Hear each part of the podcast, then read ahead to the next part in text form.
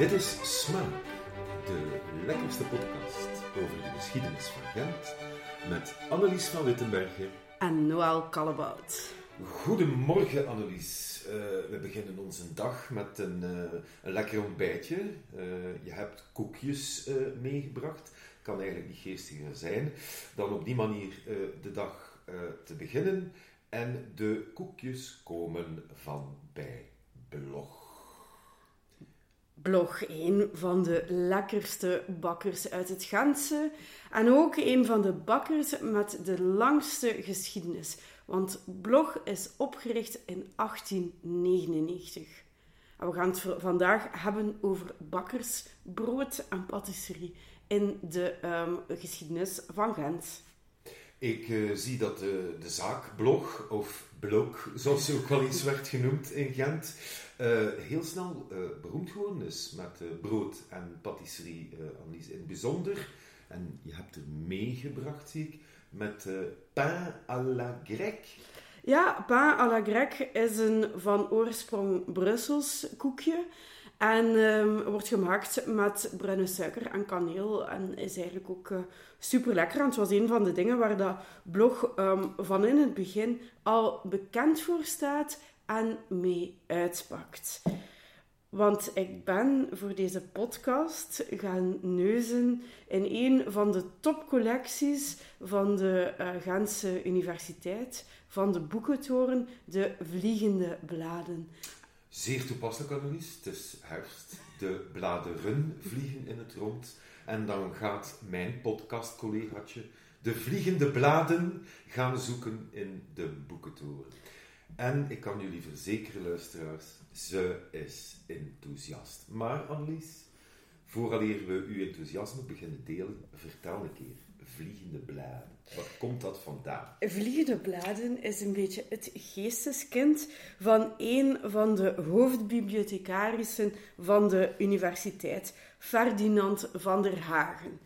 Ferdinand van der Hagen die verzamelde alles. Die is in 1859 begonnen met een verzameling die op het eerste zicht gewoon lijkt op allemaal stukjes papier, allemaal, zoals dat dan wetenschappelijk heet, efemere documenten. Dus papiertjes die eigenlijk de moeite niet waard zijn om bewaard te worden in de ogen van velen. Maar uh, Van der Hagen had daar een bijzondere blik op. Van der Hagen zegt: Ne détruisez jamais un document. Want uh, ja, in die tijd gebeurde dat allemaal in het Frans. En dat citaat dat staat eigenlijk nog altijd te lezen op de gevel uh, van de boekentoren. Dus uh, gooi nooit een geschreven, gedrukt of getekend document weg. Maar Annelies, dan, dan moet ik mij dan inbeelden dat die vliegende bladen... Allee, ik bedoel, gaat dat over duizenden? Och, uh, veel meer dan duizenden tegen uh, het miljoen documenten. Um, je moet je dat voorstellen. Uh, er zit um, onder de koer aan de boekentoren een gigantisch ondergronds depot. En in die ondergrondse depots staan er um, archiefkasten die super lang zijn. En die archiefkasten zijn gevuld met dozen. Die dozen zijn gevuld met mapjes. En um, drie rijen, uh, van, twee, rijen van twee archiefkasten zijn gevuld met de collectie Vliegende Bladen. Dat is een schatkamer. Het, um, uh, het is ook heel leuk om daarin te gaan zoeken, want die collectie is niet gedigitaliseerd, omdat die gewoon volledig, ja, die is te groot. Dus je hebt een bestand met de titels van de mapjes. En op basis van de titels van de mapjes kan je dan naar boven halen om in de leeszaal te consulteren wat je interessant vindt. Dus dat is waarschijnlijk het tekst dat jij ooit bij Indiana Jones gaat komen. waarschijnlijk wel, zoals historica. Nu, Annelies, uh, waar haalde die man uh, ja, zijn materiaal vandaan? Dat was een enorme verzamelaar, mm -hmm. zelf, om te beginnen. En die heeft dan um, zijn connecties in Gent gebruikt om um, al maar meer papiertjes te verzamelen. Die had een heel breed netwerk in zo de Gentse intellectuele en artistieke uh, scène. En die, um, die deed ook oproepen in de krant. En die, die zei van, um, breng naar mij toe wat dat voor, voor jullie um, ja, misschien niet waardevol is. Maar binnen zeven jaar, hoe zei hij het? Binnen zeven jaar is het interessant. Binnen nog een keer zeven jaar is het zeldzaam. Binnen 20 jaar is het waardevol, uh, is het bruikbaar en binnen 100 jaar is het waardevol. En hij heeft geen ongelijk, want op dit moment is dat een van de topcollecties van de universiteit en ook uniek op wereldvlak. Het voordeel voor ons, Noël, is dat zijn collectie um, draait rond Gent. Gent is de basis, uiteraard. Kunt u mensen geen ongelijk geven? Kunt u mensen geen ongelijk geven. Um, maar uh, van 1859 tot 1911 heeft um, Ferdinand van der Hagen papiertjes uit Gent verzameld. Zalig. Vliegende blaadjes uit Gent. En uh, ja, jij bent die schatkamer ingedoken. Ja.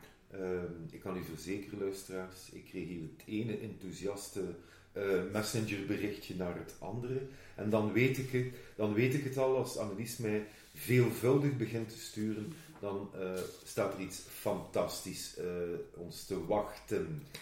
Hebt u mm, voor het eerst dan allee, bij een eerste zoektocht een beetje gefocust op bakkers? Op bakkers. Dus ik heb alle mapjes opgevraagd waar dat er boulanger in de titel stond. Uh, en dat, dat waren er exact 100. Dus ze zijn mij in een volledig eh, karretje komen brengen met al die dozen met uh, mapjes op. En ja, ik heb mij geamuseerd. Ja, dat zal wel. Zijn er zo, allee, op het eerste zicht dingen dat je zegt van, weet, weet je, dat heb ik daar gevonden? Wel, ik heb het voor vandaag allemaal opgehangen rond een flyer van blog. Um, Ferdinand van der Hagen heeft daar in potlood op dat papiertje genoteerd dat hij uit 1899 zou dateren.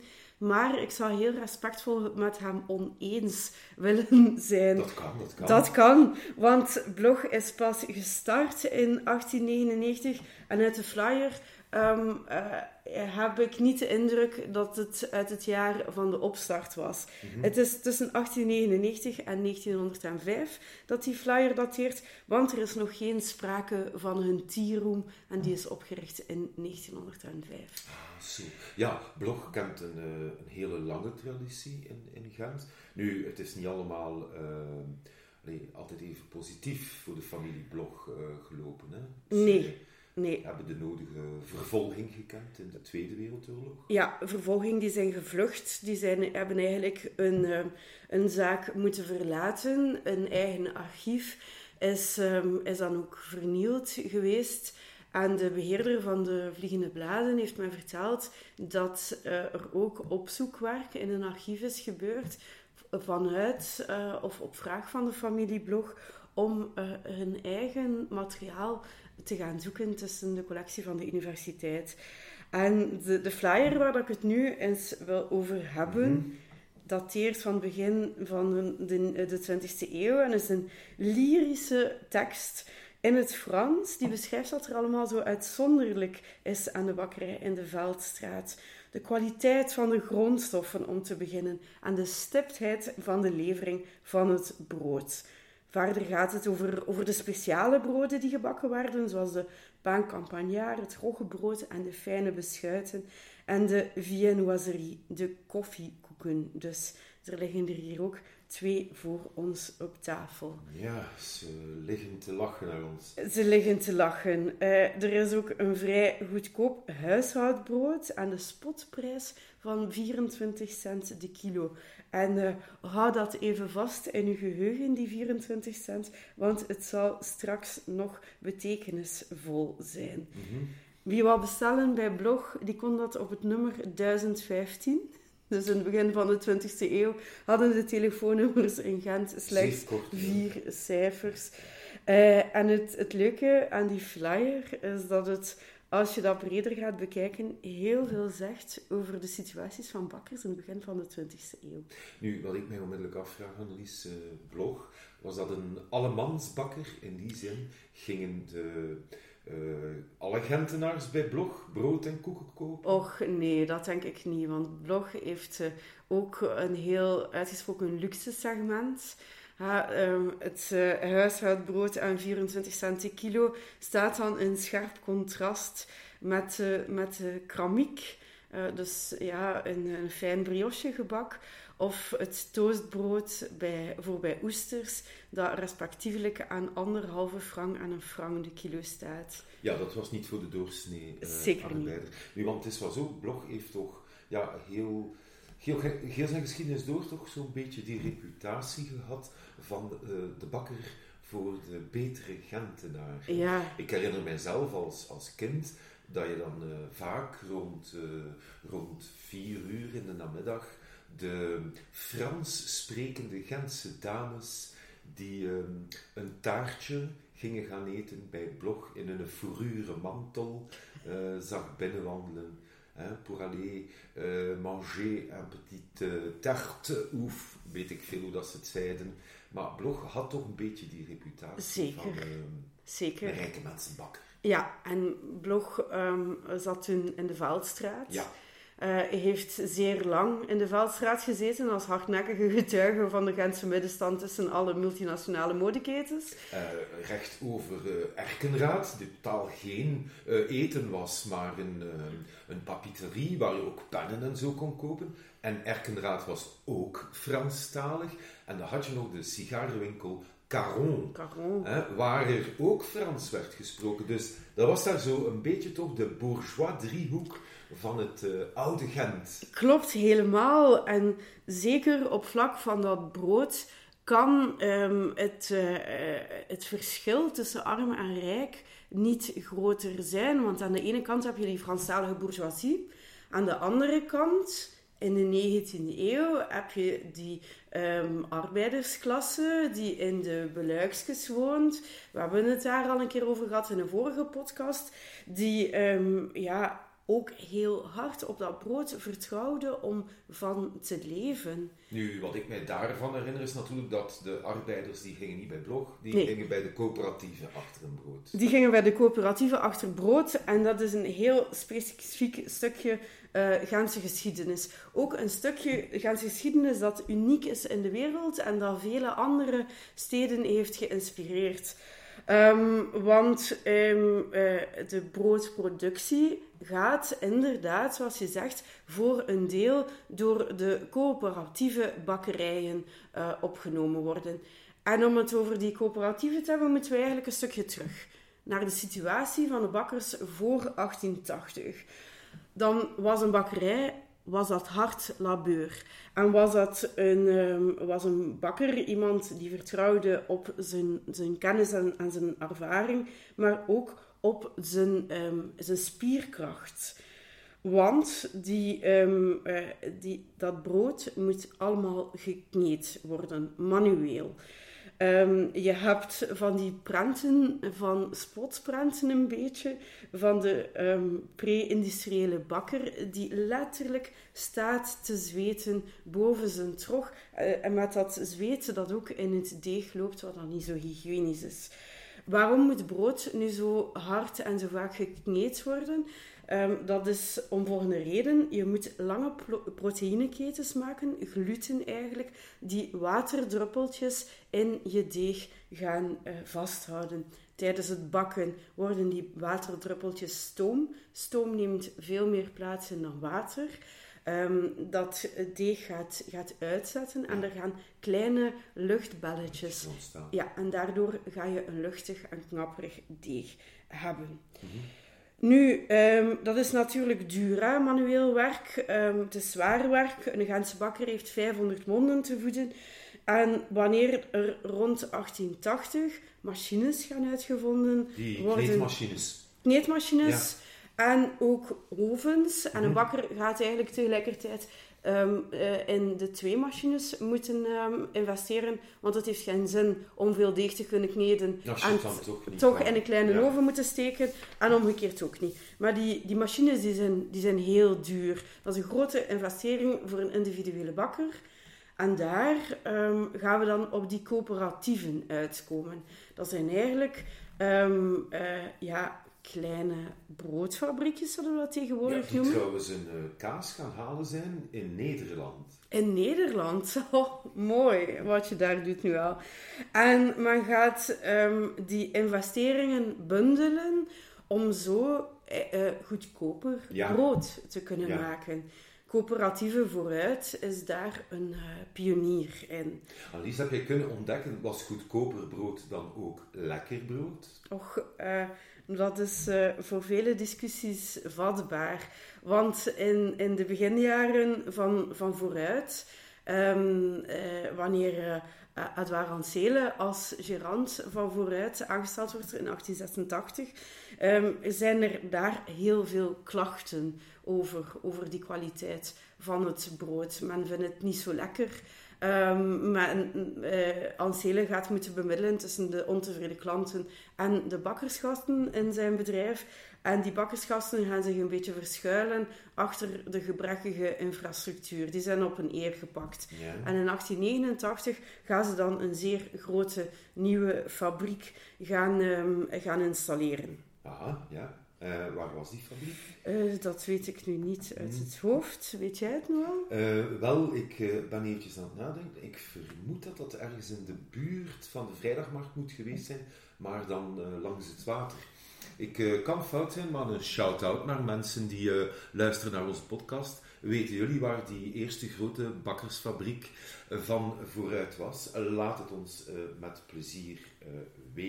In de buurt van de, van de Vrijdagswacht aan het water Ja. had je alleszins eh, de bakkerij van de, van de concurrentie, van Volksbelang. Ah. Dus eh, daar komen ehm, ook ehm, coöperatieve bakkerijen vanuit andere hoek. Ja, ik ging het net vragen, want eh, we hebben het vaak over de socialistische coöperatieve, die natuurlijk heel gekend is, omdat ze later ook fantastisch is uitgegroeid tot een, een machtige organisatie. Maar waren er nog andere coöperatieven? Ik kan mij inbeelden dat de, de liberalen en de katholieken dat niet zomaar over zich lieten gaan, dat rood brood. Nee, dat rood brood eh, dat werd gecounterd door, door Volksbelang en er is een heuse pamflettenoorlog eh, tussen die twee. Hoe kan het, hoe kan het? Ja, waar dat de een de andere verwijt dat brood niet goed is, dat, uh, um, uh, dat, dat de bakkers niet goed worden betaald. Wat dat volksbelang vooruit, vooruit, vooral verwijt, is dat zij met een heel specifiek uh, systeem werken. Het is revolutionair. Hè?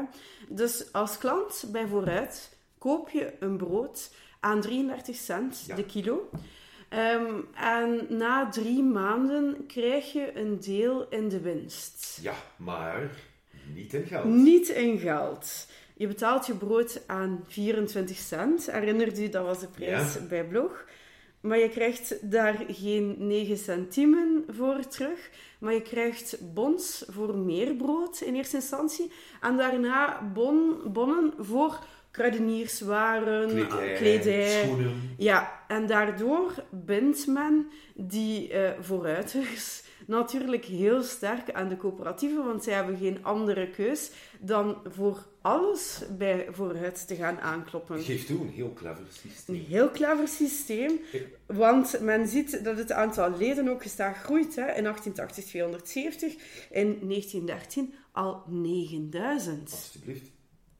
Nu, uh, Annelies, in je opzoekwerk zag ik ook uh, een, um, een prachtige samenwerkende vennootschap, Excelsior. Och, Excelsior. Ja, en Excelsior. Want daar zit een folder van in die vliegende blaadjes. Hè? Oh ja, en je zou al suikerziekte krijgen gewoon door die folder te lezen. Um, want zij hebben daar al hun gebak op, opgelijst. En dat gaat van um, een slagroomtaart met meringue, nougat, crème au beurre. Uh, over een Bataclan, dat is blijkbaar een amandeltaart. Chipolata is een biscuit met kirsch en geconfijt fruit. Een dame blanche, geen ijscrème, maar amandeltaart met slagroom. Dus ook weer twee witte um, ingrediënten ontel ik daaruit. Flan met oranjebloesem, Mont Blanc is een kastanjebak, gebak. Een trotard, een amandeltaart met rum. Ik veronderstel dat die dan veel uh, uitge, uh, uitverkocht was. En dan heb ik het nog niet eens gehad over de koekjes, videetjes, pralines met frambozen, ananas, pistache en kersen. Het aanbod is fenomenaal. Excelsior, waar ben je heen? Ja. Um, Annelies, nog misschien eventjes voor we ons een beetje verdiepen in het uh, blogaanbod en, en zo verder. Um, die vliegende bladen, um, zijn dat eigenlijk allemaal oude bladen? Of, of hoe moet ik die collectie zien? Is dat ja, is dat meestal modern materiaal? Is, is de collectie trouwens verder gezet? Verzamelt men de dag van vandaag nog altijd nieuwe? Alleen dat zou, dat, het zou kunnen, hè? Het zou kunnen, ja, maar het wordt niet gedaan. Ah, dus, okay. Dat is jammer. Dat is jammer, maar dat is zo een werk om die allemaal te verzamelen, om die allemaal te stockeren ook. Sporadisch wordt er nog iets aan de vliegende bladen toegevoegd. Um, er zitten bijvoorbeeld in die mapjes over bakkers zit er uh, materiaal van bakkerij Joie. Ah, kijk, ja, dat is nog niet zo lang geleden dat bakkerij Joie op Sint-Amansberg gestopt is. Ja, ik denk ja. dat dat 2013 is. Waarschijnlijk, ja. ja, ja. En van Joie hebben ze uh, doosjes en, en van, die, van die goudkleurige onderleggertjes voor in een taartdoos en stickers. Um, krantenartikels. Dus men heeft in, uh, in, in goede traditie van de Vliegende Bladen um, daar nieuw materiaal in, in gestoken. En, en, en wat is het oudste materiaal dat Van, dat van zelf... Uh... Dat durf ik niet zeggen wat het oudste was, maar de oudste documenten rond de bakkers, ja? dat, zijn, um, dat is materiaal uit de 18e eeuw. En dat zijn um, eigenlijk een soort ja, registers van bakkers per klant. Want er werd op de pof gekocht ja. en dan werd er van tijd tot tijd eens afge, afgerekend. Uh, het, het, werd op de pof gekocht en dan bezorgd. En dan heb je leuke details. Um, bijvoorbeeld, we weten dat een zekere mevrouw van Akker op 2 januari twee broden van drie stuivers kocht en 12 Franse blanken, dat is wit brood. En een paar koeken op 13 januari uh, 1777, um, broodjes voor het jaargetijde, dus de herdenking van het overlijden van haar man. Meneer Dubois bijvoorbeeld, uh, daarvan weten we dat hij graag eierkoeken had. Want hij bestelt er 6 op 18 april 1767, drie met krenten, drie zonder. En op 14, 16, 19, 21 en 27 augustus van datzelfde jaar telkens één die aan huis geleverd worden. Dus dat zijn handgeschreven rekeningetjes van bakkers. Ja, dat is, uh, dat, dat is fantastisch. Hè. Dat is om van te smullen, hè? Ik, uh, ik las ook in uw, uh, in uw opzoekwerk, er is op een bepaald moment een broodcrisis. Dus, dus er, er zijn op vele momenten broodcrisis. maar in die vliegende balladen vind je dan bijvoorbeeld een ordonnantie uit 1794, wat ik een bijzonder interessante periode vind. Dat is namelijk de periode ja. Franse Revolutie, de koning van. Frankrijk, de koningin van Frankrijk verliezen hun hoofd.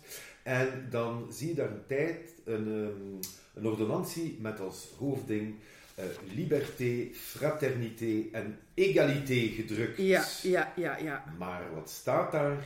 Bakkers zouden in gebreken blijven om volgens gewoonte brood te bakken, hetzelfde in hun winkels tentoon te stellen en aan iedereen te verkopen op verscheiden frivole voorwendsels dat zij geen graan, noch te meel en zouden kunnen bekomen.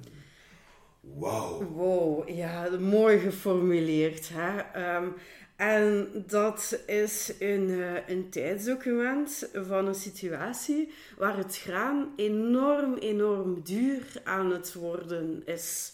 En dat treft natuurlijk de ganse stadsbevolking.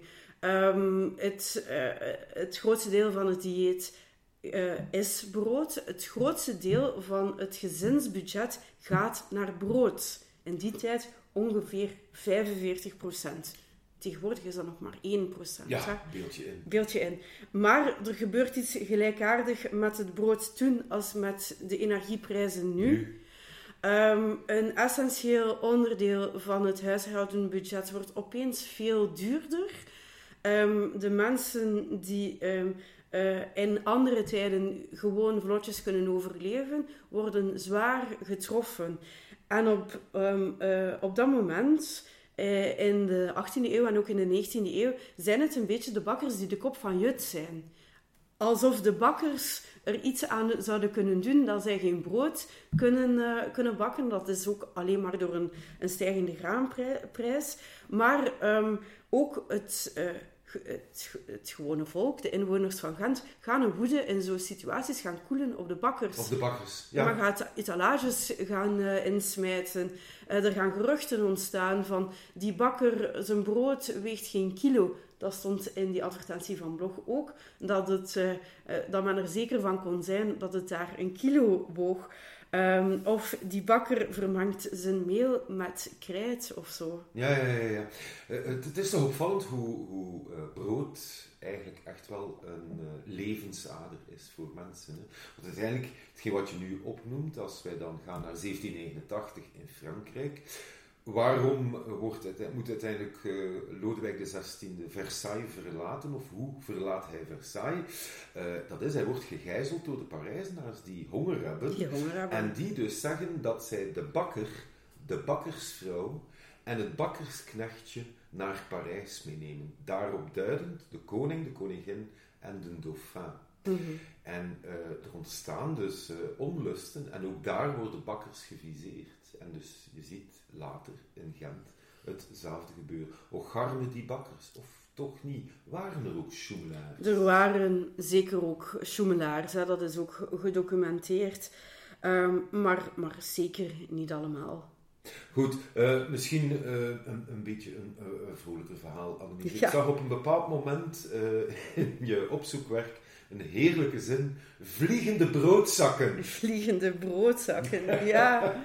Daar moeten we het dan toch eens over hebben. Het gaat eigenlijk over papiertjes die uh, misschien op het eerste zicht heel banaal lijken.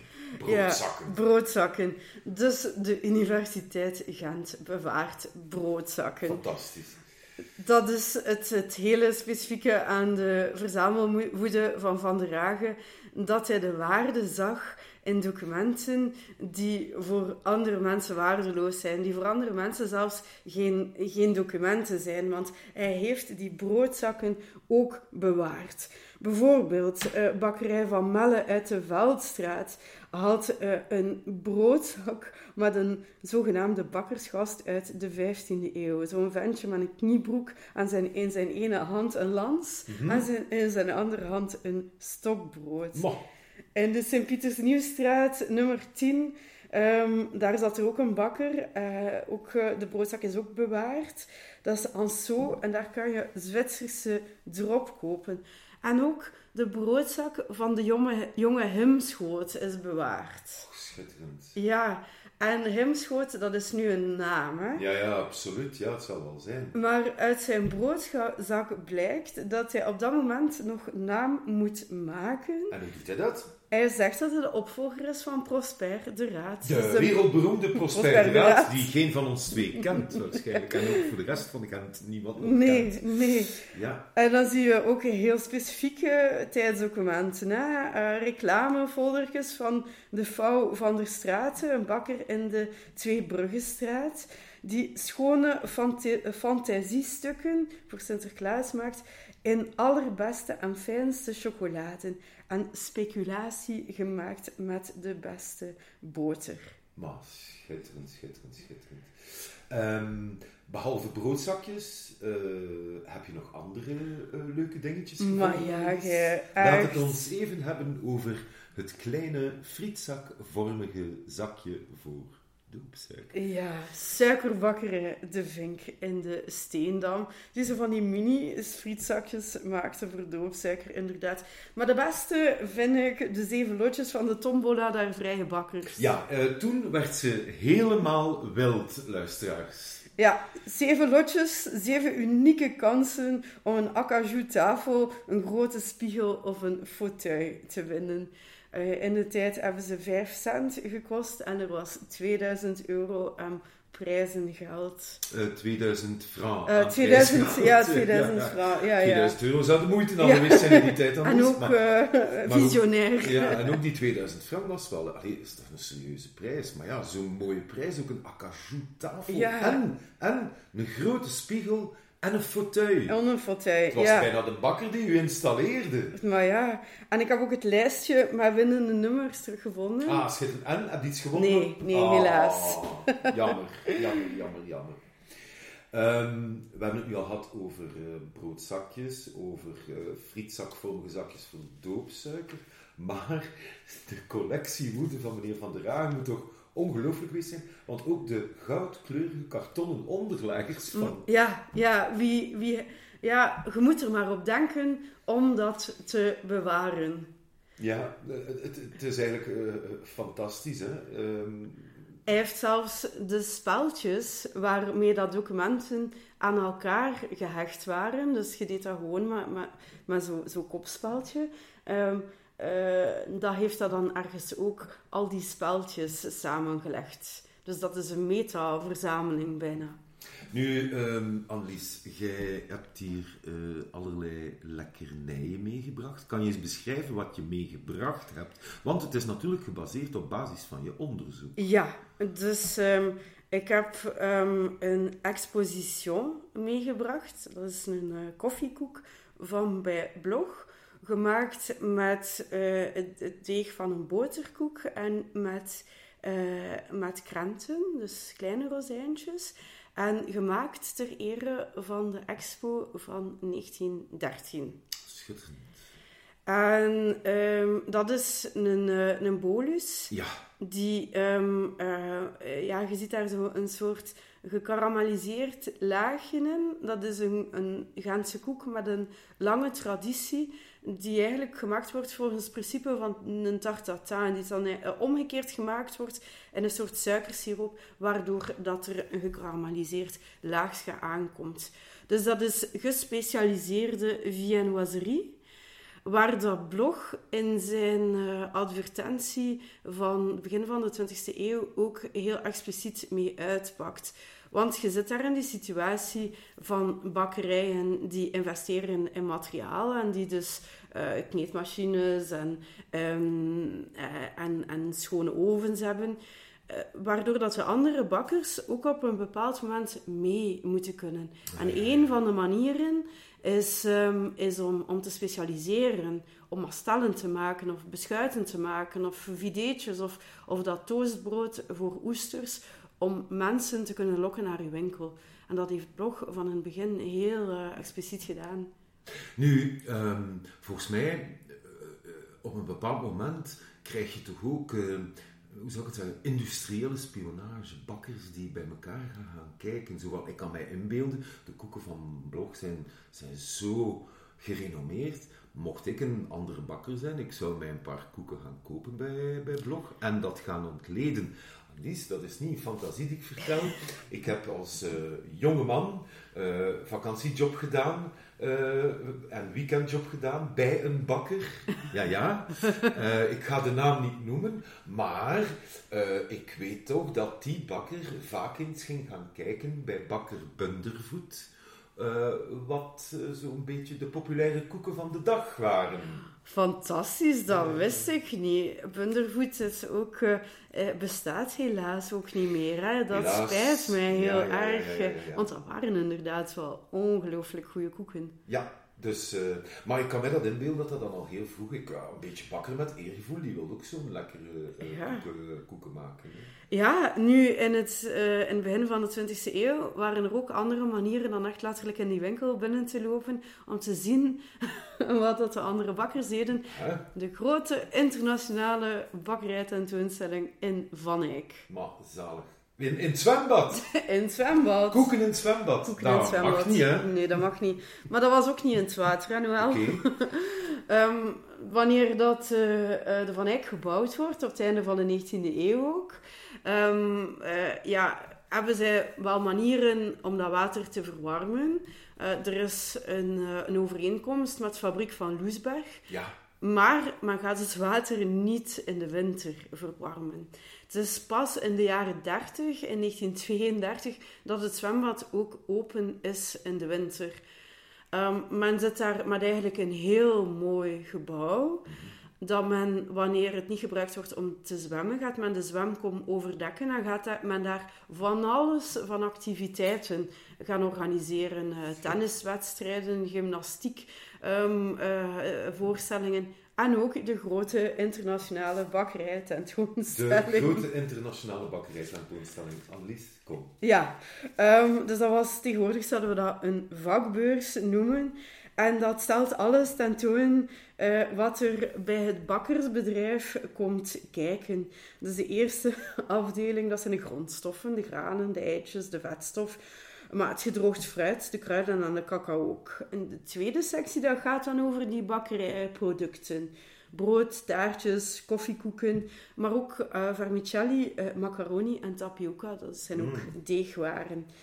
Um, men spreekt in de collectie Vliegende Bladen, want daar zijn uh, er ook uh, flyertjes van bewaard van superbe pièces montées, dus heel mooie spektakelstukken. Um, maar ook brinskens en bolletjes uh, traditioneel um, gebak dat, van, dat veel kleiner en veel gewoner is.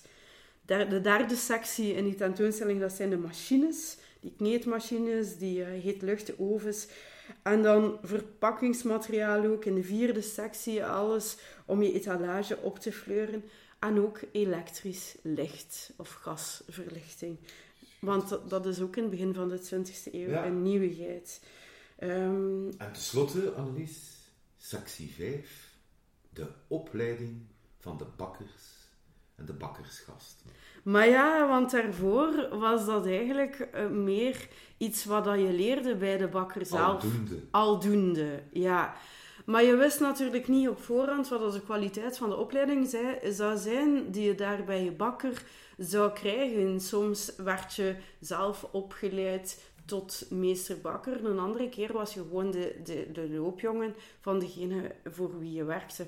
En in de 20e eeuw gaat men dat ook meer uniformiseren, dat je weet dat die bakkersgasten goed uh, opgeleid worden. Ja, en het is toch blijven hangen, want als je weet dat er tot op de dag van vandaag in Hotelschool Gent een uh, schitterende opleiding voor uh, bakker en patissier Zeker. te volgen is, dan zie je maar dat, ehm, dat de geschiedenis toch zijn invloed heeft. Met dank aan de internationale bakkerstentoonstelling? Met dank aan de internationale bakkerstentoonstelling, maar ik denk toch ook met enorm veel dank aan die meneer Van der Hagen, die die verzameling ja, gekoesterd heeft, bewaard heeft, ervoor gezorgd dat die verzameling eigenlijk bestaat vanaf die man die is toch wereldberoemd geworden. Die heeft toch, uh, ja, die, die, die, heeft toch een, naam en faam gekregen. Die is zeker wereldberoemd binnen de universiteitsbibliotheek. Ja. En um, ja, ik, ik heb af, af, en toe wel graag een beetje tragiek. Meneer Van der Haag is niet zo mooi geëindigd. Is meneer Van der Haag niet zo mooi geëindigd? En ik lees, Annelies, dat hij verongelukt is. Is hij ja, ik uh, had dat in je opzoekwerk ergens gezien, of heb ik er nu helemaal verkeerd over gekeken. Maar ik dacht ergens gelezen te hebben dat meneer Van der Hagen een. Ja, Arnold van der die tot aan zijn dood in 19... Ferdinand, dat is een uh, foutje Sorry, uh, Ferdinand, nee, nee, sorry, ik ben verkeerd. Maar Ferdinand van der deed het tot aan zijn dood. Ah nee, ik dacht dat hij vermoed was aan Lies, maar ik heb dat verkeerd gelezen. Hij is gewoon, hij is uh, gewoon de weg van alle vlees gegaan. is de weg van alle vlees gegaan. Waarvoor mijn verontschuldiging, lieve luisteraars. Weet je wat is, Annelies? Ik heb uh, denk ik een beetje suikertekort. Ik denk het ook. Wij gaan uh, uh, aan het praktische deel van ons onderzoek beginnen. Hè? Namelijk het praktische deel van de proeverij. Het degusteren van de bolus en van de exposition. Ze grijpt hier onmiddellijk naar het mes. ze die, brak het brood, ze, ze sneed het brood. Ze sneed de bolus. Amai, amai, amai. En wel, dat is de bolus. Dank je wel, Annelies. We gaan daar even een hapje van nemen. En dat is de exposition die ook in twee gelijke delen verdeeld wordt. Wat zegt dat, zo'n bolus? Nou, Annelies, dat is gewoon fantastisch, zo'n bolus. Mm. Ja, Die la dat laagste gekarameliseerde suiker, ongetwijfeld, ongelooflijk. Ja. ongelooflijk lekker. En inderdaad, je merkt toch nog altijd, blog is blog, hè. Mhm, mhm. Amai. Ja. En zo die krak van, van dat suikerkortje daarop. Geweldig. Ja, en die smaak van die goeie boter. Maar de kwaliteitsproducten waar dat ze al in het begin van de 20e eeuw trots op waren, het is nog altijd hetzelfde. Hè? Mocht nog altijd... eh, Een keer een exposition aan. Ja, de exposition, de wereldtentoonstelling 1913. We gaan een keer proeven, hè. Ook zo goed knappere deeg en die een echte boterkoeken smaak. Hè? Ja, en die krentjes, zo smaakvol. Zo, luisteraars. Willen jullie ook eens een, eh, een lekkere bolus of een exposition of van dat ander lekkers? Ik zou zeggen, eh, ga naar blog, maar eh, blog is er toch niet meer, Annelies? Blog is er ondertussen terug Oh. in de Sint-Pieters Nieuwstraat. ehm, schuin tegenover ehm, Feestpaleis vooruit. Dus daar hebben we ze alle twee op één locatie. Onze bourgeois, boulanger en ons brood voor het volk. Zalig. En met deze wijze woorden stel ik voor dat we onze podcast voor vandaag eh, beëindigen. Dit was Smaak, overduidelijk de lekkerste podcast van geschiedenis van Gent, met Annelies van Wittenbergen. En Noël Callebaut. Tot de volgende.